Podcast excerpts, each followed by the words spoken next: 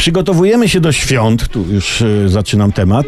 Ja mówiłem niedawno o prezentach, ale wiem, że dla wielu osób kupienie bliskim prezentu, mimo moich wcześniejszych światłych porad, a może z powodu tych porad, to wciąż problem. Wiele SMS-ów, maili w tej sprawie. Moim zdaniem, jeśli dajemy bliskim prezent, to powinien no, być taki, że tylko ta osoba może go używać. Prawda? Inaczej jest to prezent taki dwuznaczny, bo dajmy na to mąż myśli sobie, o, kupię żonie tę oto piękną karawkę na wódkę, nie?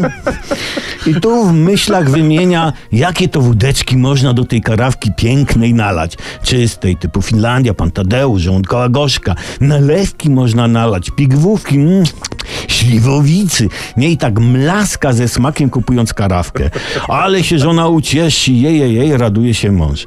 No, wiadomo, karawka przedmiot ładny, komponujący się na półce z figurką sarenki, ale to głównie mąż będzie z niej korzystał, znaczy z karawki, nie sarenki. Co, co kupić zatem, żeby było tylko dla żony? No na przykład, patrzcie, moja żona je lubi cebulę, a ja znowu jej nie cierpię. Znaczy cebuli, nie żony. Dlatego kupię jej pod choinkę jakieś fajne cebule. Da? I ona będzie wiedziała na tysiąc procent, że to tylko dla niej. Piękny pomysł, prawda? Kurczę, ale ja jestem dbający, nie? No i o to chodzi.